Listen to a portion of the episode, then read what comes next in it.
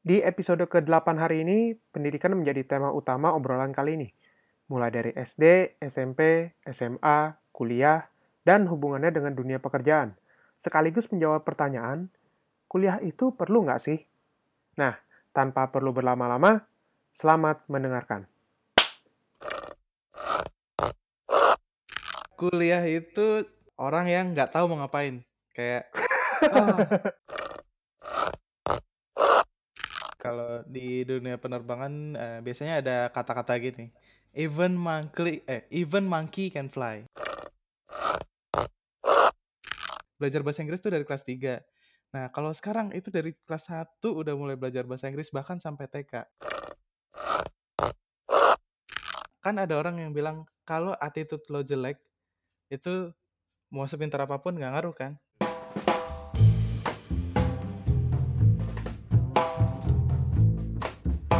Selamat datang kembali di 19 in Week Podcast. Kembali lagi bersama gue Ibi dan hari ini ditemenin lagi sama Osa dari Indo Aerofits seorang pilot. Disebut produk gue. eh itu bukan produk ya. Kan Oh, iya, apa namanya juga ada profile Instagramnya gimana dong? Boleh lah.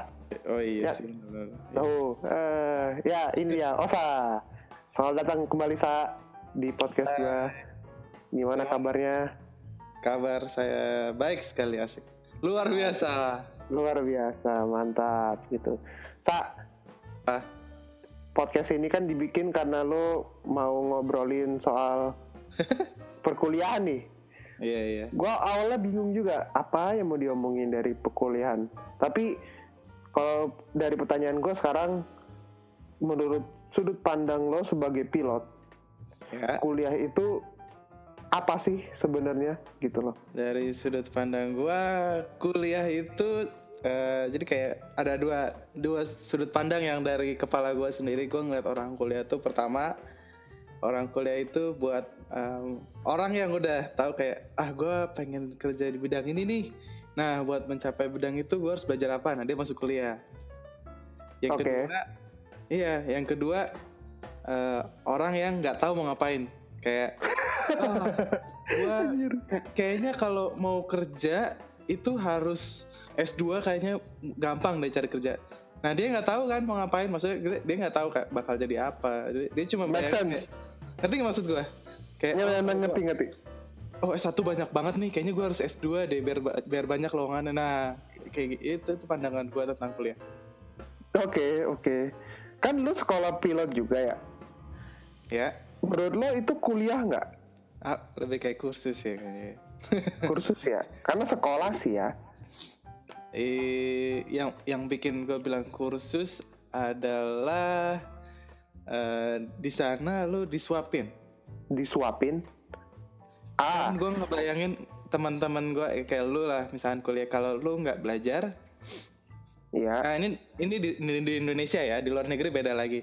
Kalau lu Oke. nggak kalau lu nggak nggak belajar, ya ya udah eh, nggak apa-apa, kayak bisa ngulang lagi ngulang lagi. Tapi kalau kalau eh, sekolah pilot, lu nggak bisa sembarangan ngulang lagi karena setelah beberapa kali pendidikan kalau lu dianggap terlalu banyak mengulang lu dianggap fail gitu Ah, mirip ini dong, mirip SD, SMP gitu ya, sekolah. Kayak sekolah 9 tahun gitu dong, atau 12 tahun lah, pendidikan dasar gitu dong istilahnya. maybe ya La- lagian lagian kalau misalkan nih suatu saat lu udah sekolah sekolah sekolah terus tahu-tahu lulus kerja em, amit-amit tiba-tiba di tempat lu kerja lu kecelakaan itu dokumen dari lu kuliah dari lu kuliah dari seluruh sekolah terbang itu dibuka lagi Hmm, Jadi gimana dong? Apa itu bi? Hmm, kuliah juga gitu sih. Oh ya, ya berarti sama. dalam dalam artian nggak tahu kalau di Indonesia kayak gimana ya. Cuman biasanya tuh kantor suka cari bukan cari track record namanya lebih ke namanya riwayat lah gitu ya. Sebenarnya sama aja sih track record itu. Jadi lo udah belajar apa aja nilai lu bagaimana terus performa lu selama di ini apa gitu loh supaya kantor nggak salah hire orang gitu sih Eh iya iya betul betul. Ya berarti bisa dibilang sama. Oke oke. Em, tadi sebelum kita ngerekam ini, lu katanya mau nanya soal kuliah sebenarnya. Apaan sih yang lo mau tanya sebenarnya? Sa? I- iya iya misalkan kayak gue gue mau kuliah misalkan nih kan teman-teman gue yang udah sekolah kuliah tetap banyak yang kuliah kira-kira Ah, kalau kuliah online sama kuliah datang langsung tuh ada bedanya nggak sih bi Oh, kalau kuliah ya beda lah. Satu datang langsung, satu online. iya sih Nggak, nggak, nggak. juga tahu kalau itu Iya, nggak nggak. Kalau online itu ada namanya istilah universitas terbuka, tahu nggak sa? Tahu Ya kan, jadi universitas terbuka tuh punya kurikulum yang beda dengan universitas konvensional pada umumnya gitu. Jadi mereka punya kurikulum sendiri, mereka punya sistem pengajaran sendiri. Dosennya juga dosen yang nggak bisa di apa yang punya kalau nggak salah punya sertifikasi khusus untuk ini deh untuk menjadi dosen universitas terbuka entah itu bener apa enggak gue kurang tahu. Kurang lebih sama lah ya bedanya cuma datang sama nggak datang doang gitu. Oke oke. Kalau kan lu nanya pilot ada yang kuliah abis sekolah pendidikan pilot Iya. misalnya gitu. Eh, lu pernah kepikiran nggak mau kuliah? Dalam artian kuliah konvensional atau kuliah di UT lah universitas terbuka misalnya. Enggak. Enggak. Iya. Karena tuntutan kepikiran. profesi atau gimana? Eh, nggak juga sih. Jadi eh, kan kalau teman-teman gua yang lain kuliah biasanya motivasinya gini. Jadi karena kita kalau license-nya suatu saat amit-amit nih dicabut entah karena patah kakinya atau pokoknya kesehatan nggak bisa bikin kita terbang lagi kalau keluar kan kita nggak ada ijazah apa-apa jadi mereka kuliah istilahnya buat backup gitu loh. Nah tapi kalau bu- kalau buat gua kenapa gua nggak kuliah? Karena gua ngerasa kayaknya gua ada eh, misalkan nih suatu saat gue mengalami hal yang buruk kayak gitu Hmm. gue ada keahlian yang menurut gue ah kayaknya gue nggak perlu kuliah deh gitu. Gue kan bisa editing video terus sosial media yang kayak eh, multimedia gitu deh nah Iya, itu iya. itu entah kenapa gue pede sama itu jadi gua Bener, bener. gitu deh kan bener-bener karena gue pernah dengerin podcast yang lain mereka ngebahas ini soalnya sa- soal milenial dalam dunia yang disruptif artinya apa profesi-profesi yang dulunya dikerjakan manusia sekarang nantinya bukan bukan sekarang nantinya bakal digantiin sama mesin gitu loh. nah ya Nah dari podcast ini, nah dari podcast ini pertanyaannya mungkin nyambung sama yang lo bilang. Menurut lo skill macam videografi atau skill editing gitu-gitu bisa digantiin sama AI nggak atau artificial intelligence? Eh, kalau cuma editingnya sih bisa tapi kalau menurut gue kontennya nggak bisa Aha bener, bener-bener. Karena yang Karena- bisa bahas manusia itu cuma manusia deh setahu gue. Selama ini gue ngeliat gitu ro- robot tuh belum bisa kayak eh, ngertiin pikirannya manusia gitu. Iya iya iya. Kan ada namanya deep learning. Tahu nggak? Jadi Enggak. Jadi si aplikasi yang dibuat sama manusia ini nantinya aplikasi ini gunanya untuk mempelajari seluruh hal yang mm, istilahnya manusia kasih input ke mesin itu atau ke program itu. Nantinya mereka pelajarin kemudian mereka bisa generate atau menghasilkan sesuatu yang mirip dengan atau yang mirip sesuai apa yang manusia kasih ke mereka gitu. Jadi mereka kayak istilahnya kayak nge-scan atau apa ngelihat perilaku kita kayak gimana nanti mereka bisa contohin atau bahkan bisa bikin perilaku baru gitu. Wow berat juga. Ya makanya gitu.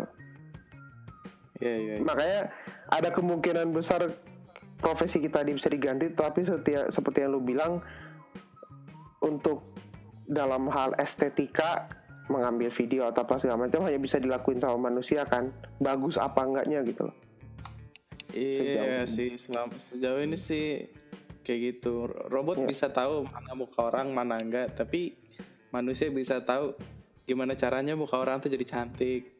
oke oke oke. Oke oke oke. Benar benar benar benar. Em, ngomongin soal kuliah lagi menurut lo itu kalau sekarang ya menurut lo tuh dari sudut pandang pilot kuliah itu berat apa enggak Hmm, unik pertanyaannya. ya coba deh Eh, gue sih selama ini ngeliatnya berat sih. kenapa kenapa coba dijelaskan Apa ya? Kayak eh, teori, terus eh, ya ya kayak banyak hitungnya, banyak pikirnya. Eh, terus lo harus eh, memahami sendiri. Kalau kalau di pilot lo bukan ya lo harus paham memahami sendiri tapi tapi itu diajarin gitu. Kayak kayak yang ngajarin tuh di sebelah gua bi. Jadi kalau gua ngeliat kalau di di kampus-kampus kan eh, ya paling enggak satu ruangan isi 10 orang terus kita tanya gitu. kalau kalau di pilot tuh enggak kita tuh di di di kokpit tuh cuma bertiga. Dan kalau gua salah eh, instrukturnya langsung tangannya ke depan langsung eh enggak gitu enggak gitu. Dia langsung nyabut Ah. apalah gitu. Kayak kayak kayak disuapin gitu lebih beneran deh. Oke oke oke. Ya bener berarti kayak ke analogi SD SMP gitulah ya. Kita masih di apa di Ayomi lah gitu sebutannya. Hmm. Gitu gitu Kalau di dunia penerbangan eh, biasanya ada kata-kata gini. Even monkey eh even monkey can fly. wow Iya. Seriusan? Iya. buset buset boleh boleh boleh kan lu bilang kuliah berat gitu ya karena ini menurut lo begini apa yang ngebedain maksudnya apa yang benar-benar membedakan orang kuliah dengan orang yang sekolah sekolah khusus. Berarti bukan cuma pilot doang ya tetapi dalam artian ada sekolah ma- kan ada sekolah chef gitu kan segala macam. Apa yang ngebedain orang yang kuliah dengan orang-orang yang sekolah profesi? Gitu. Sekolah profesi eh, kayak chef. Emang chef ada sekolah profesinya ya? kan itu hitungannya sekolah chef coy. Oh, oke. apa yang ngebedain Mungkin lebih ke arah kedewasaannya kali ya, karena kan kuliah lama dan dan eh, kita men- kita mendorong diri sendiri supaya dapat nilai bagus. Mhm. Kan kalau di kuliah misalkan nih ada lu ada kesalahan lu nggak bakal dimarahin kan kecuali lu pas lagi praktek numpahin eh, cairan apa gitu mungkin kayak kalau itu bakal dimarahin kali ya. kalau di Indonesia mungkin iya Oh di luar negeri enggak ya? tergantung tergantung si dosen. Iya. Nah, jadi lu kayaknya lebih dewasa deh. Yang dibilang orang tuh gue ngeliat bener yang kalau kuliah itu lebih dewasa. Eh, karena dia bener-bener eh, mendorong diri sendiri untuk lulus kuliah dengan nilai yang bagus. Lu nge- misalkan ngekos jauh dari rumah ya lu mendorong diri sendiri. Gimana sih? Gue di rumah nih nggak eh, sorry nge- di kos nih nggak nggak nggak bengong nggak main doang ya gue kuliah. Kalaupun orang yang lulusnya lama kayak teman-teman yang di Surabaya tuh si Inden tahu kan? Dia Tahu, kan tahu. si- kerja jadi dia dia tetap ada tanggung jawab gitu. Oke gue mungkin lulusnya agak lama tapi gue di sini cari pengalaman. Jadi dewasa banget gitu. Beda banget kalau kalau kalau pilot yang kayak misalkan kayak gue gini Mhm. eh, lu termotivasi untuk belajar karena lu nggak mau dipukul seriusan di nggak mau dipukul? Ya itu hanya beberapa orang aja sih. Oh kalau nggak dipukul ya, di, ya nggak diteriakin deh nggak diteriakin. Oke oke oke oke. Ta- Tetapi secara nggak langsung ada menunjukkan dari segi dosen, istilahnya gue sebut dosen ya pengajar deh pengajar, pengajar ke muridnya tuh lebih deket sekolah profesi ini ketimbang kuliah dong. Ke orangnya ya ke muridnya kayaknya iya sih Iya. lebih deket lebih deket di sekolah ya kayak Iya kan? chef mungkin mungkin iya kalau chef mungkin kan dia harus ngeliat kayak tekniknya dia nyamperin dan nunjukin teknik-tekniknya gitu kali ya Iya, iya. benar-benar Bener, iya Dia- jadi lebih deket gitu deh sama Oke. Oke. Karena kayak ujung-ujungnya membalik lagi ke prinsip pendidikan dasar ya di mana guru masih punya andil langsung sam- terhadap murid-muridnya gitu. Cuma bedanya gua nggak tahu pendidikan Indonesia Oke. sekarang. Cuma bedanya sekarang guru udah nggak kayak dulu gitu. Apa dalam artian sekarang guru tuh udah hampir mirip kayak dosen. gua nggak tahu sih itu bener apa enggak. Cuman kalau emang bener kayak gitu, gimana sa? Pendidikan dasar kita yang guru-gurunya mulai bertingkah seperti dosen gitu. Dalam artian tidak mengayomi muridnya seperti dulu. Nah, itu kan kalau menurut gue awalnya mulai dari eh, serba salah sih. Jadi kayak mulai dari dulu mungkin eh, guru-guru tuh eh, dia ringan tangan langsung Oke. plak plak plak. Nah, Iya bener. iya nggak sih. Nah terus beberapa tahun kemudian anak didiknya udah mulai gede, udah mulai kerja, udah jadi bos lah ya. Terus anaknya di sekolahin ke sekolah dasar. Terus anaknya juga ngalamin hal yang sama. Nah si orang tuanya yang dulu ngalamin hal itu merasa kayak oh ini udah nggak udah bukan zamanan lagi nih gue nggak mau. Terus dia marahin gurunya. Nah terus guru-guru em, terus eh, itu terjadi di seluruh Indonesia. Guru-guru mulai dilaporin ke polisi atau dimarahin langsung sama orang tua murid. Dan akhirnya banyak guru-guru yang cari aman. Dan jadinya ya itu yang kayak lu bilang. Jadi guru-guru SD tuh kelihatannya kayak dosen gitu ya. Yang ya ya udahlah nih saya kasih tugas kalau kalau lu berantakan gue nggak urusan sama lo gue cuma nulis aja gitu kayak anak ini A B C sikapnya gitu gue nggak urusan dan dia mau ngasih nilai jelek pun kan kadang serem juga ya sama orang tuanya Oh. Sedih ya kalau dipikir-pikir sebenarnya. Eh, ya ini kali apa jadi belum ada eh, tindakan langsung aja mungkin dari dari menteri pendidikan ya itu emang bukan urusan gue sih tapi kalau menurut gue ya mereka emang Ya. belum ada tindakan langsung dari menteri pendidikan karena mungkin mereka sibuk ngurusin UN tahun depan sistemnya kayak apa Oh my god, Iya, ngomongin UN lagi. kayak tahun depan UN apa nih kurikulumnya apa nih belajarnya apa nih kayak mereka nggak mikirin yang simple simple kayak gitu Ya kalau gitu coba deh kita ngomongin kuliah. Sekarang agak sedikit turun dari kuliah ke pendidikan dasar gitu ya. Mm. Em, menurut lo pendidikan dasar kita dari SD sampai SMA itu terlalu berat nggak buat dalam artian nantinya bekerja ntar? Karena kan kita hitungannya karena hitungannya lu udah kerja gue hitungannya udah semi bekerja karena gue ngerjain proyek di kantor gitu. Menurut lu tuh berat nggak dua apa pendidikan 12 tahun itu? Dengan beban yang kita terima dulu? Eh, berat. Berat bi Iya beratnya Iya. kenapa? Coba jelasin. Karena kalau gue bilang eh, banyak orang yang bilang nih, eh, oh anak zaman sekarang itu eh, apa istilahnya anak zaman sekarang itu eh, sopan santunnya kurang, kayaknya sama orang tua tuh nggak eh, nggak gimana gitu. Ya nggak sih lu? alasan klasik.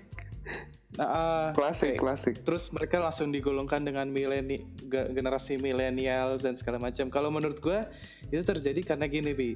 Jadi karena di saat yang bersamaan dari tahun eh, dua- 2000 ke atas milenial milenial itu SD itu sudah mulai pelajaran yang tadinya misalkan kayak kalau nggak salah pas gue SD itu belajar bahasa Inggris tuh dari kelas 3. Nah, kalau sekarang itu dari kelas 1 udah mulai belajar bahasa Inggris bahkan sampai TK.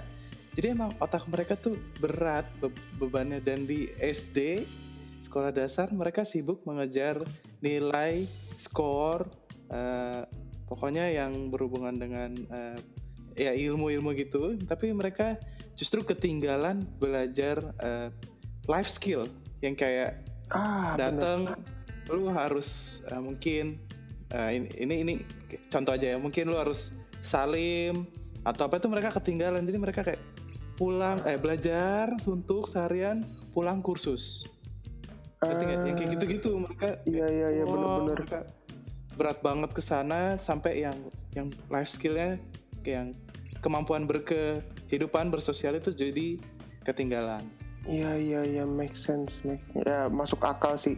Berarti kalau lu udah bilang kayak gitu tes masuk SD udah dianggap berat juga dong ya. Lu udah harus Berat. bisa calistung dari umur lima Iya, tahun. berat. Gokil emang. Gokil. Nah, kita kita nih kan IPA ya di SMA. Iya, Ipa. Iya kan? Lo udah kerja berarti lo bayar pajak ke negara juga dong ya secara nggak langsung. Udah bayar? Nah, menurut lo yang tadi lo bilang soal life skill, perlu nggak di pendidikan SMA itu kita udah harus tahu ngitung cara cara kita nanti ngitung pajak penghasilan kita segala macam. eh enggak lah sih. Kayaknya sih enggak sih, Bi. Emang Nggak perlu? ya kayak gitu. Iya. Ya menurut lo kenapa nggak perlu gitu? Karena Gue sih kita selama ini apa tuh? ya lu dulu lu dulu lanjut. Oh ya. Gue sih selama ini NPWP pajak itu cuma laporan doang kok, Bi. Jadi, Karena kita beli barang itu udah ada pajaknya di bawahnya. Eh, Ya beli mobil udah sama pajaknya semuanya. Gitu sih. Ya kita cuman kalau di Indonesia bayar pajak penghasilan kan. Mm-mm. Ya kayak PBB pun juga pajak bangunan segala macem. Nah Mm-mm. tapi menurut gua kita agak berseberangan untuk ini. Menurut gua kita perlu belajar itu. Oh gitu ya. Baik Iya, iya. lu SM baik lu SMA-nya IPA, IPS maupun kalau dua ada bahasa gitu ya. Maupun bahasa gitu. ya karena menurut gua itu mungkin gak harus jadi pelajaran tetapi perlu ada training semacam itu, ada pelatihan semacam itu. Hmm, Karena gua aja sampai sekarang masih nggak tahu cara ngitung pajak tuh kayak gimana gitu loh. Cara kita tahu kita kan taunya cuma pajak udah ditarik dari kantor misalnya dari lo gitu. Lo pajak udah Iya. ditarik kantor atau ditarik dari lo pas beli mobil misal atau beli kendaraan gitu. Tapi kita nggak tahu itu pajaknya tuh ditarik kayak kayak gimana, habis itu nanti pajaknya larinya ke mana gitu kan. mm, mm, mm. Kan kita pengen tahu juga dong apa Iya duit kita tuh lari ke mana gitu loh. Oh, namanya iya. juga kita namanya kita juga beli barang, bahkan kita kerja pun kita juga sebenarnya berinvestasi berinvestasi kan. Iya. Gitu maksud gua. Makanya kita beda pendapat di sini. Tapi kalau soal pendidikan dasar kita termasuk berat apa enggak, gue setuju sih. Itu emang berat banget. Gila sih emang. Oh, iya. Nah, Emang. dari pendidikan dasar yang berat itu pengaruh nggak ke tingkat pendidikan selanjutnya? Artinya baik lo kuliah atau lo masuk sekolah profesi. Menurut lo gimana sa yang ngerasain sistem seperti itu?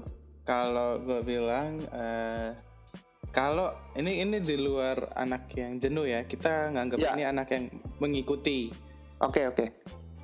Kalau memang anaknya berhasil ngikutin apa yang dianggap sama pemerintah itu cocok, ya, yang kita bilang berat ini, eh, menurut gue sebenarnya anaknya bakal berhasil sih eh, dalam mengikuti pendidikan selanjutnya karena ya mereka terbiasa kerja keras kan. Ya tapi ya tapi kembali lagi di di saat masuk ke dunia kuliah mungkin lu masih belum butuh orang lain kayak gua cari nilai buat diri sendiri dan segala macam segala macam lu kerja dan segala macam. Tapi setelah lu masuk dunia kerja nah di situ kita nggak bisa hidup sendiri toh. Kita butuh orang Benar. lain kayak kayak misalkan kita harus eh, kita harus wawancara dilihat eh, sikapnya. Apalagi kayak pekerjaannya gua itu setiap tahun ada yang namanya eh, crew resource management. Jadi lu dalam setahun itu lu di refresh untuk bekerja bersama orang-orang. Jadi lu nggak bisa semau lo nggak bisa suka-suka lo sendiri nggak bisa keras kepala lu harus tetap rendah hati menerima masukan dari orang. Intinya lu harus bisa kerja sama orang. Saking pentingnya kita bersosialisasi tuh di tempat gue ada setiap setahun sekali. Seluruh flight crew pasti ngalamin yang namanya crew resource management CRM karena kita harus Wah. kerja sama orang cuma kalau di dunia kerja yang kayak eh, lu masuk jadi staff manager dan segala macam yang kayak apa sih gue nyebutnya kantoran ya bi ya kantoran kantoran. Nah, Oke. gue nyebutnya kantoran jadi kalau kayak gitu gitu kan mereka nggak nggak nggak dilatih jadi sepanjang tahun lu nggak nggak ada yang namanya uh, oke okay, kamu jadi orang tidak boleh uh, keras kepala kamu harus menerima setiap pendapat dan segala macam kan kayak gitu gitu nggak ada ya itu kalau dibilang gitu orang tersinggung nggak sih kalau di kantoran? Pasti tersinggung karena karena ya itu tadi karena dari awal mereka uh, terbiasa kerja sendiri apalagi kuliah 4 tahun itu kalau misalkan orangnya sendiri terus ya dia nggak biasa ketemu orang ya gitu-gitu aja nggak nggak nggak akan nerima orang lain. Nah di sinilah menurut gua or, uh, kan ada orang yang bilang kalau attitude lo jelek itu mau sepintar apa pun nggak ngaruh kan? Ya betul. Nah itulah yang terjadi di Indonesia. Lo belajar pinter-pinter segala macam tapi lo nggak dididik attitude itu sama aja kayak buang-buang ilmu. Wah iya sih. Jadi jadi lu udah nabung duit nih banyak istilahnya kalau ilmu itu adalah duit tapi lu nggak tahu mau keluarin ke mana karena lu attitude-nya jelek. Istilahnya kayak ya udah gue keluarin ke uh, ke mana aja atau bahkan nggak dikeluarin sama sekali. Karena lu nggak punya attitude buat nyolokin ilmu lu tuh ke saluran tertentu. Lu tidak tahu menempatkan attitude lu di mana gitu ya? Uh -uh. attitude itu istilahnya kayak kayak uh, chargeran lu mau nyolok lu yang kepala dua tapi lu di Eropa kan nggak ketemu? Ya kalau kepala dua ketemu sisa oh ketemu ya? Iya ke, di di Jerman iya di negara apa di Prancis enggak sih karena Prancis Inggris enggak. Karena beda sendiri ya tapi most apa kebanyakan ketemu. Oh kebanyakan ketemu. Iya iya. Iya. Gitu. iya. Itulah maksud gue uh, ya menurut gue gitu uh, gambarannya. Jadi lu punya energi banyak nih tapi begitu lu mau colok colokannya nggak pas karena lu nggak nggak pas attitude-nya. Emang oh. sih ada ada sesuatu tempat yang pasti bakal menerima lu, tapi karena attitude lo ini istilahnya eksklusif, karena gaya lu gaya lu sendiri, lu nggak mau bekerja sama dengan orang lain, jadi lu harus susah nyarinya yang mana nih colokan yang pas. Wah iya iya iya. iya. Waduh. Sa, nih kita udah ngobrol iya. selama 27 menit. Mantap. Mantap kayak episode kemarin lagi. Makasih ya udah mau jadi teman ngobrol gue lagi. Nih lu yang nyamperin gue tumben gitu. Apa? Iya. Asik sih apa bisa ngobrol soal hal-hal yang sebetulnya random tapi ternyata kalau dipikir-pikir wah ini dulu kita pernah begini nih ternyata efek panjangnya ngaruh juga ya ke kita sekarang gitu. Iya iya. Ada yang mau lu simpulin nggak soal dari kuliah terus ke pendidikan dasar terus nantinya attitude kita kayak gimana gitu?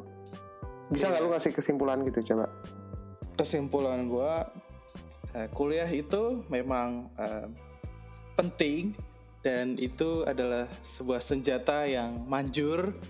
Tapi ingat lagi kuliah itu bukan kewajiban. Karena wajib belajar kita cuma sampai SMA jadi nggak ya. nggak perlu yang namanya kayak ah gue harus kuliah di UI ah gue harus kuliah di Unpad dan gue harus kuliah kedokteran segala macam. Lo gali dulu diri lo kayak gimana lo butuhnya apa. Bahkan kalau perlu lo nggak butuh kuliah. Emang sih ke kedengarannya aneh di Indonesia. Hah masa sih lo nggak butuh kuliah aneh banget lu. Tapi tapi jangan sampai lu udah kuliah capek-capek 4 tahun terus kayak ah gue salah jurusan. Itu klasik banget dan gue dengerin itu dari banyak orang. Ya. Yeah. emang itu istilahnya kuliah itu adalah mengembangkan diri lo sendiri itu karena lo butuh bukan lo wajib. Jadi jangan takut buat nganggur uh, nungguin kuliah atau apa intinya uh, kembangkan diri lo. Asik. Asik. Boleh boleh. Penutup yang bagus sa. Sekali lagi oh, makasih iya. ya sa. Gitu. Makasih juga lo ya, jangan lupa dengerin terus podcast gue di 19 in with podcast di SoundCloud dan di platform-platform lainnya. Ya udah sekian. Sampai jumpa di episode berikutnya. Dadah. Dadah